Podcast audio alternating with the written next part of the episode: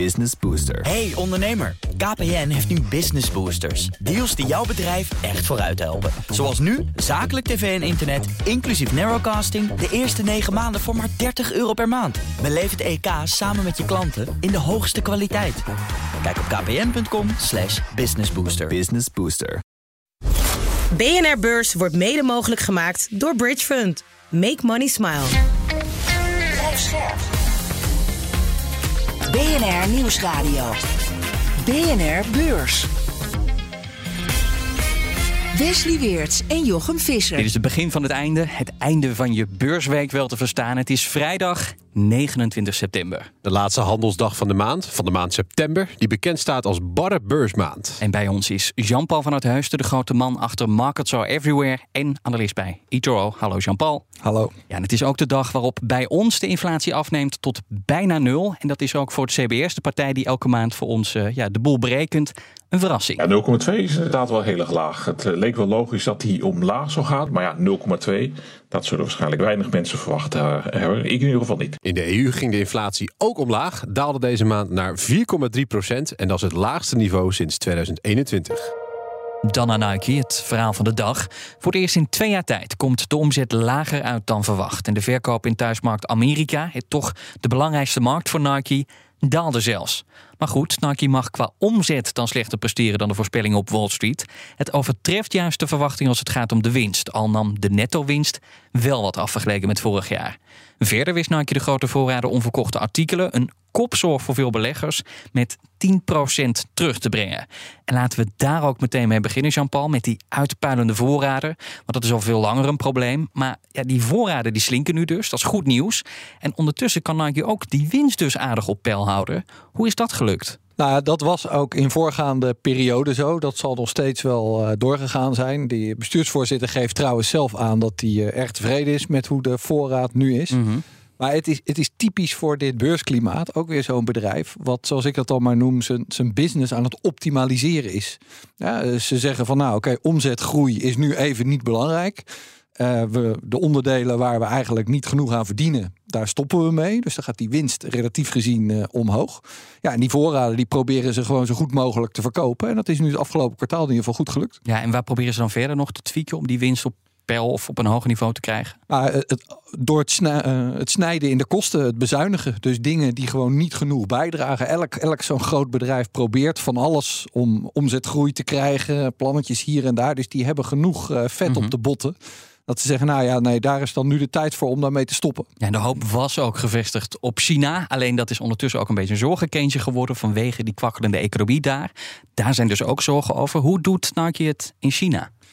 Nou, nu het afgelopen kwartaal was de omzet met 5% gestegen. En is dat uh, goed, slecht voor Nike? Ja, kijk, ook dat zie je op meerdere plekken. Kijk, de verwachtingen waren nu eigenlijk zo laag. Ja, oké. Het, het, kwam toch nog iets binnen. Heel snel. Het, het kwam nog iets uh, lager binnen dan verwacht. Maar we hebben natuurlijk uh, gezien de macro-economische cijfers uit China. Die waren de afgelopen periode heel slecht. En daarom waren beleggers ook echt hartstikke benauwd. Dat ze dachten van, oh, wat zou nou gebeuren met de omzet van een bedrijf als Nike? Ja. Nou, in dat licht bezien valt het tegen. De bestuursvoorzitter die geeft ook nog aan dat nu na de lockdowns echt de sport weer helemaal terug is. Uh, daar kan ik me wel wat van voorstellen. Maar dat is denk ik wel een korte termijn effect. En Amerika, dat is de thuismarkt van, uh, van Nike, Noord-Amerika. Uh, dat draait ook niet zo lekker. En ik las dat dat te maken had met studenten die besparen op schoenen. Hoe zit dat? Ja, dat is zo'n onderwerp wat, wat de gemiddelde Nederlander denkt van... hè, waar hebben ze het nou over? Maar ja. je hebt natuurlijk die student loans. En daarvan heeft Biden op een gegeven moment gezegd... die hoeven niet terugbetaald te worden. Maar dat moet nu toch weer gaan gebeuren. Ja, dat zit natuurlijk midden in de doelgroep van Nike. Dus ja, je kan je geld maar één keer uitgeven. Als je je lening moet afbetalen... dan ga je toch misschien uh, wat minder dure schoenen kopen... of het, of het uitstellen... En daar zit iedereen dus heel angstvallig naar te kijken. Het aandeel uh, Nike staat dit jaar ook al een vijfde lager. Daarmee is het een van de slechtst presterende bedrijven. Zijn die cijfers voldoende om beleggers weer een beetje terug te lokken? Nou ja, je ziet het uh, nu uh, na beurs gisteren. En dat zal ook wel een beetje de opening zijn. Was het plus 7 of plus 8 procent. Dus dat heeft weer alles te maken met die hele lage verwachtingen. Dat mensen zeggen, oh nou, weet je, wie weet gaat dat toch wel weer uh, beter. Maar één zwaluw maakt nog geen zomer. Uh, dit was goed, maar men zit toch nog echt... Kijk, die, die, die inflatie komt al wel wat naar beneden, maar die rente is gewoon heel hoog. Ja, en dat eet toch uit de budgetten. Dus ja, het is toch nog wel een bedrijf om je zorgen over te maken voor de komende kwartalen. En zijn dat ook de grootste zorgen? Rente, kapitaalkosten enzovoort? Nou, dat is wel uh, de eerste zorg. Mhm. Altijd in het geval van Nike uh, in combinatie met China. Je kunt er maar beter heel vroeg bij zijn. Zometeen een bedrijf dat nog niet eens een beursnotering heeft. Maar Jean-Paul voorspelt nu alvast dat dit een van Europa's grootste beursbedrijven wordt. En het doet iets met batterijen. Je hoort er zo alles over. Maar eerst is het tijd voor... BNR Beurs. De luisteraarsvraag. En die is ingesproken, daar worden we heel blij van. Dus we laten het woord aan Jeroen. Ik beleg nu voor vijf jaar in de aandelenmarkt en ik wil wat meer gaan werken met de stoploss. Vandaar mijn vraag: gebruikt hij of zij de stoploss zelf? Zo ja, op welke manier? En zo niet, waarom gebruikt hij of zij de stoploss niet? En even voor de luisteraar die het niet weet: een stoploss dat is dus een automatische verkoop op je aandeel als het een bepaalde prijs bereikt. Je stelt dus in: Apple mag nooit beneden de 180 vallen, dan wil ik verkopen. En dan verkoop je met een stoploss automatisch op 180 als die prijs aan wordt geraakt. Nou ja, Jean-Paul, ik heb maar één vraag. Gebruik jij dat ook wel eens? Uh, soms wel, soms niet. Ah. Uh, over het algemeen uh, niet. Want dan beleg ik voor de lange termijn. Dan ben je echt aan het kijken welke aandelen wil ik in mijn portefeuille hebben voor over jaren. Daar past het helemaal niet bij om met een stoploss te werken. Dan denk je op een gegeven moment, nu wil ik het hebben. En dan kijk je niet naar de fluctuaties van het moment. Maar ja, uh, de beurs leent zich er natuurlijk ook voor om af en toe eens wat actiever te beleggen. Eigenlijk speculeren, moet je zeggen. Nou ja, en uh, dan neem je vaak wat meer risico.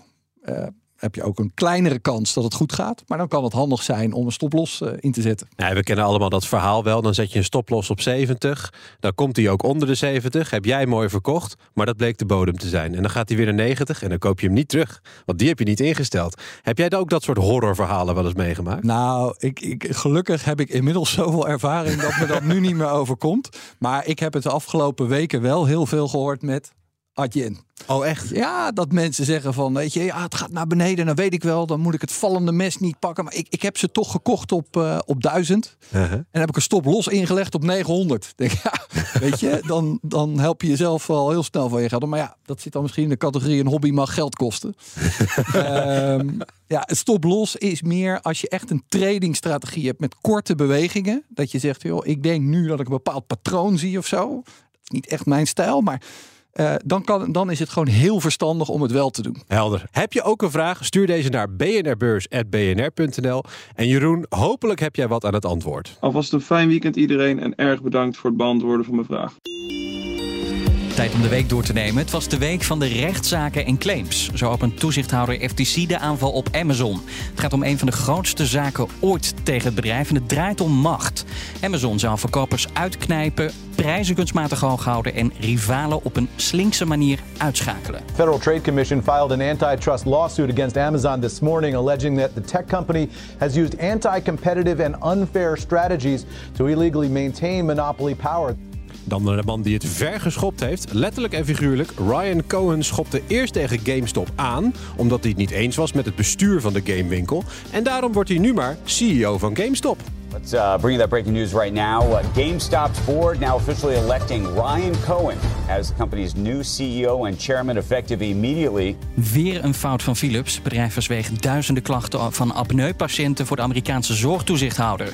Die klachten gingen over zwart schuim dat uit de apparaten kwam, maar ook over patiënten die mogelijk zijn overleden.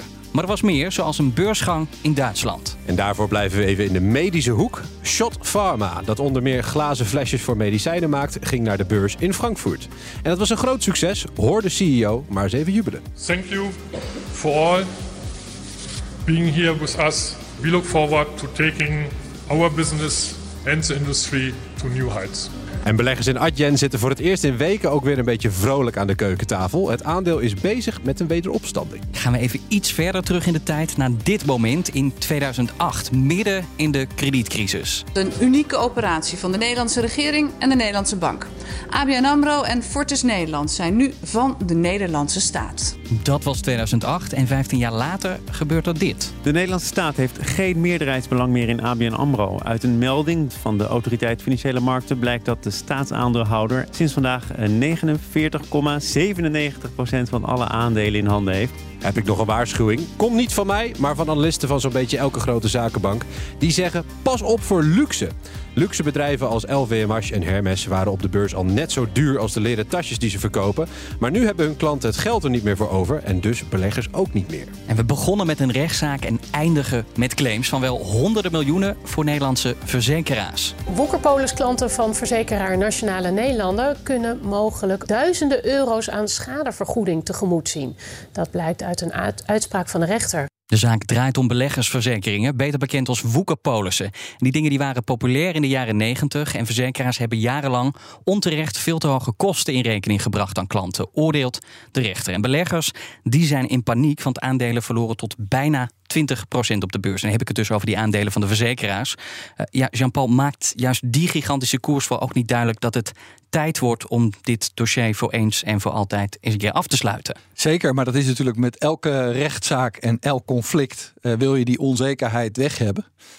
Dit uh, brengt alleen maar op dit moment extra onzekerheid met zich mee. En getuigen wel de koersval zie je ook dat mensen daar echt door verrast zijn. Ja, maar past stug doorprocederen dan nog wel? Het is een zaak, nou, het speelde in de jaren 90, of het begon in de jaren 90. We zitten nu in 2023 en toch wordt er weer doorgeprocedeerd. Dus nog een langere periode van onzekerheid voor beleggers. Ja, ik denk wat hier het probleem is, uh, ik zit dat zo heel kort even, maar dat is dat het, het verschil tussen vraag en aanbod veel te groot is. Dus hoe de, bedoel je dat? Nou, de, de, de stichting Woekerpolis, hmm. die heeft een veel groter compensatiebedrag uh, voor ogen. Uh, dan dat de verzekeraars op dit moment bereid zijn om te betalen. Ja, en dan kan je het dus niet settelen. En dan blijft het enige over dat je maar in de rechtbank elkaar tegen blijft komen. Ja, wat moet je hier nou als belegger mee? Moet je wegrennen, zoals veel beleggers hebben gedaan de afgelopen dagen? Of blijven het gewoon goede bedrijven die nu ja, voor een betere prijs eigenlijk op de kop te tikken zijn? Nou ja, die, die bedrijven nu blijven goed draaien. Maar uh, ja, wat ik zeg, het is een hele onzekere factor bijgekomen. Dat je helemaal op dit moment heeft niemand een idee op welk bedrag dat dit gesetteld wordt. De mensen die nu kopen, die denken, ach, weet je, dat zal toch allemaal wel meevallen. En uh, ik zal wel ergens voorbij komen van misschien een miljard. En dat trekken ze wel. En zo.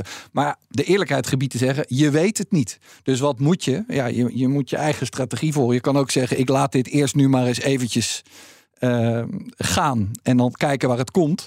Ja, die verzekeraars die worden heel veel gezocht door mensen die gewoon op zoek zijn naar dividend. Het was al september, dus zo mooi was die maand al niet. Beleg jij in verzekeraars? Ja. En, en hoe zit jij dan hier nu naar te kijken? Het, het is niks nieuws, hè? Het, het loopt al een hele tijd. Het lastige is, als je ook kijkt op die website van Woekerpost, er zijn zoveel verschillende titels. Dat zal ontzettend mogelijk zijn. Ik, ik snap wel dat je dat met een collectieve claim wil doen.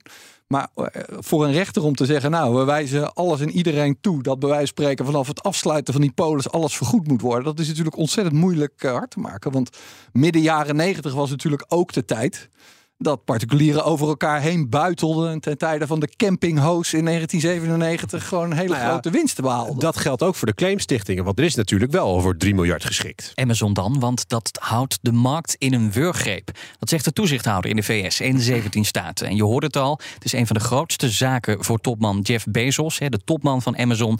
En de aanklacht is vrij heftig. Amazon zou schimmige tactieken gebruiken om de concurrentie de kop in te drukken. En verkopers op het platform, die worden gedwongen om hoge prijzen te vragen. Jean-Paul, eh, een van de mogelijke uitkomsten is het opbreken van Amazon. Maar gaat dat die verkopers en consumenten ook echt helpen? Dat is een goede vraag. Kijk, dit is, de, dit is de zaak waarvan je wist dat die zou komen. Uh, je hebt mevrouw Lina Kaan, uh, ik geloof midden 30. Uh, die is nu uh, directeur van de FTC. En die heeft in 2017 al een keer een paper geschreven van uh, de Amazon. Ja, dit, dit, is haar levenswerk eigenlijk. Dat is haar hè? levenswerk. Ja, en Joe ja. Biden heeft gezegd, nou, ik vind het een mooi stuk. Kom jij maar hier zitten, dan ga je het doen. En ja, je zegt schimmig. Kijk, in de kern, wat Niet een dan? van de dingen in haar paper gewoon zegt is van het is oneigenlijke concurrentie. Want Amazon heeft, zeg maar even makkelijk een cloud business en een retail business. En die retail business die wordt voortdurend gesponsord. Dus dat zijn geen marktconforme prijzen. Ze bieden het allemaal onder de kostprijs aan. En daarmee maken ze concurrentie onmogelijk. Uh, het heeft eigenlijk nog lang geduurd. Dat tekent al wel hoe moeilijk dat zo'n zaak is. Natuurlijk op het moment dat zij benoemd werd. Uh, kwam uit Amazon al meteen van ja, lekker is dat, weet je. Wij weten wel wat die gaat doen. Ja, het, het, het zijn altijd van die dingen. je weet het nooit zeker. Microsoft heeft in zo'n periode gezeten dat ze ook uh, dreigde opgebroken te worden. Dat is zelfs al door een rechter uitgesproken. Toen ging het uiteindelijk toch niet door. Maar zorgt een opgebroken Amazon dan ook meteen voor nieuwe concurrentie? Want die markt die gaat opnieuw allerlei brokken samenvoegen, neem ik aan. Ja, wat Amazon daar dus tegenover stelt, die zeggen van ja, maar luisteren, het maakt het alleen maar uh, minder efficiënt en daarmee duurder. Uh, kleinere bedrijven hebben eh, minder kans om een groot publiek te bereiken. De prijzen zullen stijgen. Ja, noem maar op. Ja, dat dus zou ik ook zeggen als mijn positie aan een zijde draadje. Nou ja, zijde draadje, zover is het denk ik nog niet. Uh, maar um, dat zijn de argumenten. Een paar dagen geleden sprak ik Stefan, was hier te gast. We hadden het ook over deze zaak.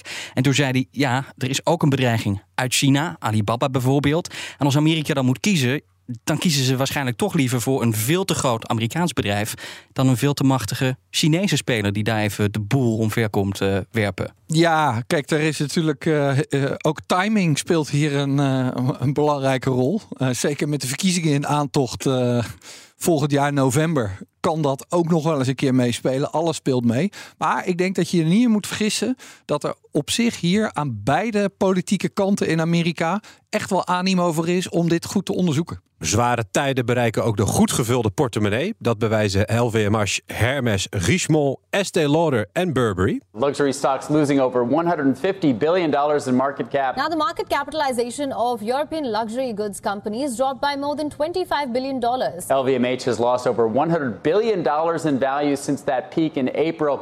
It is no longer Europe's most valuable company. Maar deze bedrijven waren toch juist immuun voor crisis en hoge inflatie, want de rijke consument die blijft toch rijk, Jean-Paul? Nou, zoals ik het altijd uh, heb uh, geleerd, uh, ze zijn minder gevoelig, niet gevoelig voor een recessie, maar niet immuun voor een crisis. Aha, ja?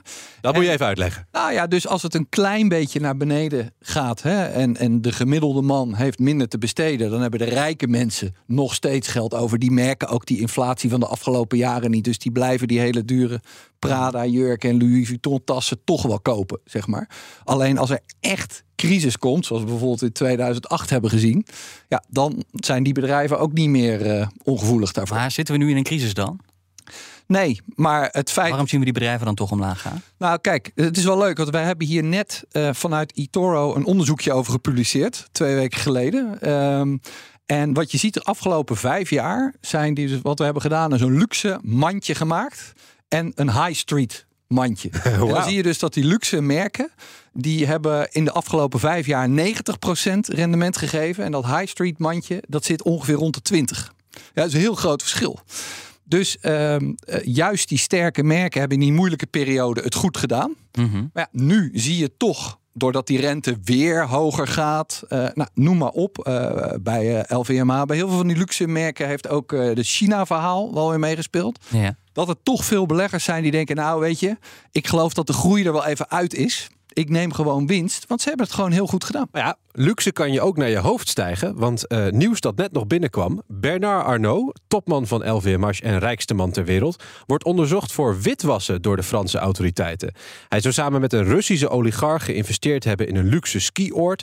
En Arnault leende dan geld aan die rijke Rus om chalets te kopen. Maar dat was volgens de autoriteiten vooral bedoeld om Russisch geld wit te wassen. BNR Beurs. Nokia werd vervangen door Apple, apparaten van Philips ingeruild voor die van Samsung. En de auto's van Volkswagen die worden steeds vaker omgewisseld voor een Chinese variant. Eentje van bijvoorbeeld BYD. Deze merken zijn allemaal deels of volledig vervangen door een ander. Terwijl we jaren geleden dachten, nou die verdwijnen nooit. Gebeurde wel. En dus kijken we naar kleine beursbedrijven die het in zich hebben om uit te groeien tot giganten. En dus in de toekomst de gevestigde namen van nu omver kunnen blazen. En voor zo'n beursgigant van de toekomst gaan we deze keer naar Zweden, Jean-Paul. Wat heb je meegenomen? Ja, het bedrijf uh, Northvolt. Uh, batterijenmaker, de, de oprichter, die uh, heeft kennis opgedaan bij Tesla. En die dacht van ja, maar luisteren, het is zo belangrijk dat Europa een eigen batterijenstrategie heeft. En die is daarmee begonnen. En Northvolt heeft ook net een uh, investering van ruim een miljard dollar binnengesleept. Maar dat produceert nog helemaal niets. Ben je niet een beetje voorbarig? Nee, dat is niet waar dat ze niet produceren. Dat oh. doen ze wel. Ja, vertel, de, vertel. De, de, eerste batterijen die komen daar wel uit. Alleen nog niet op grote schaal. Dus oh, oké. Een beetje gelijk dus, had ik dus wel. Ja. is, uh, maar ze hebben een fabriek staan in, uh, in het noorden van Zweden. Ze zijn bezig in Göteborg. In Duitsland komt een, um, een batterijfabriek. Dat moet dan allemaal in 2025, 2026 echt groot operationeel zijn. Maar Volvo uiteraard, BMW en Volkswagen hebben dat al toegezegd. Maar als je gewoon kijkt naar de, de geopolitiek en de, de, de toekomst, als alles elektrisch wordt, ja, dan wil je in Europa toch een sterke eigen batterijenbusiness hebben. Dat is zo'n belangrijk onderdeel. Dat komt nu bijna allemaal uit China. Dus ja, ik zie dat uh, wel goede groeikansen hebben. Nou, er zijn ook al veel automerken klanten, zoals je al noemt. Maar ja, dan staat daar grote concurrent China kan je concurreren met China als Europese batterijbouwer? Want daar gaan toch bergen subsidie naartoe vanuit China. Ja, dus het, het zit in de subsidie, maar het zit ook in de grondstoffen. Kijk, het, het overtuigende argument hier is dat je zegt: we willen onafhankelijker worden. Als ja. je hele elektrificatie strategisch belangrijk is, ja, dan moet je op een gegeven moment zeggen: nou, dan kopen we dat niet. En dan willen we het zelf hebben. Belangrijk is dan bijvoorbeeld lithium. Om er maar even één grondstof uit te halen. Maar het grappige daarvan is dat ze in Duitsland nu uh, in principe lithium hebben gevonden in het zuidwesten van Duitsland. Een bedrijf Vulcan Energy is daarmee bezig om daar een licentie te krijgen om dat uh, uit de grond te halen. En dat zou natuurlijk een belangrijk onderdeel in de hele schakel zijn om ook op dat gebied minder afhankelijk te worden van China. Ik kan me voorstellen dat als, als je overgaat naar elektrificatie en dat dat de nieuwe energie wordt, dat uh, Northvolt gewoon het nieuwe Shell in de portefeuille wordt. Dat heeft nu dus nog geen beursnotering. W wanneer verwachten ze die eigenlijk? Ja, ze hebben in 2022 gezegd binnen twee jaar. Nou ja, weet je, dan nou, moet het er nu wel. Ze hebben er eh, in februari van dit jaar serieus naar gekeken. Toen hadden ze ook banken ingehuurd. Maar ja, we hebben dat natuurlijk wel vaker gezien dat er bepaalde nou ja, het is nu wel het goede moment, toch? Het is uh, het is, IPO. Uh, het week. is zeker uh, een, een aardig moment. Het zou niet ver weg moeten zijn. En we hebben het hier al vaker gehad over die beursgangen. Vaak. Dan denk ik, nou, laat maar lopen. Maar dit is er nou eentje, als die komt. is natuurlijk maar net de vraag hoe duur het is. Vooraan in de rij. Jean-Paul, vooraan ja, in de rij. Afhankelijk van de prijs. Maar dit is echt, echt wel een heel leuk verhaal. En zou je dan ook groot inkopen of eerst een paar aandeeltjes? Nee, je moet gewoon altijd eerst kijken naar de strategie en de plannen. Kijk, het is natuurlijk, het klinkt ontzettend mooi. Er is ook heel veel politieke support voor. Hè? Want Northvolt kon op een gegeven moment meer geld krijgen van Joe Biden onder de Inflatie-Reductie Act. Toen hebben ze in Duitsland gezegd: nou, oké, doen wij er nog maar wat bij, maar niet zoveel als Amerika. En toch hebben ze daar voorrang aan gegeven. Ze gaan het overigens nu wel dus ook een fabriek bouwen in, uh, in Canada.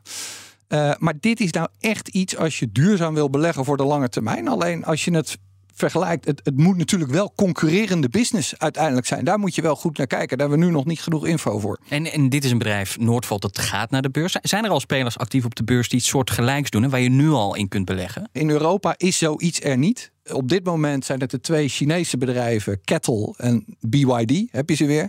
Uh, die zijn daar leidend in, gevolgd door een uh, viertal Koreaanse bedrijven. Het weekend staat voor de deur, maar niet getreurd. Volgende week is er ook weer genoeg te beleven op de beurs. En dan heb ik het vooral over de macro-economie.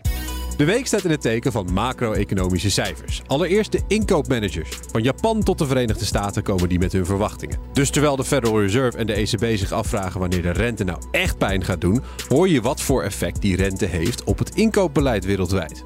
Verder komt OPEC bijeen, hoor je over de huizenverkoop in de eurozone en in Nederland.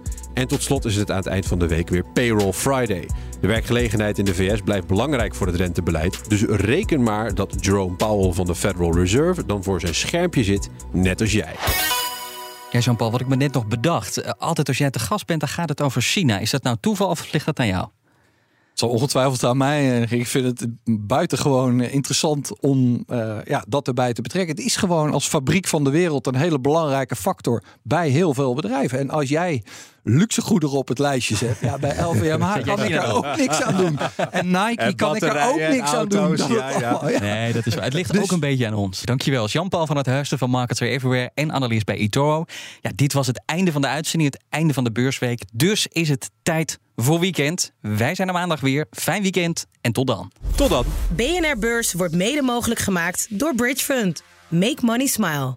Business Booster. Hey ondernemer, KPN heeft nu Business Boosters. Deals die jouw bedrijf echt vooruit helpen. Zoals nu, zakelijk tv en internet, inclusief narrowcasting... de eerste 9 maanden voor maar 30 euro per maand. Beleef het EK samen met je klanten in de hoogste kwaliteit. Kijk op kpn.com businessbooster. Business Booster.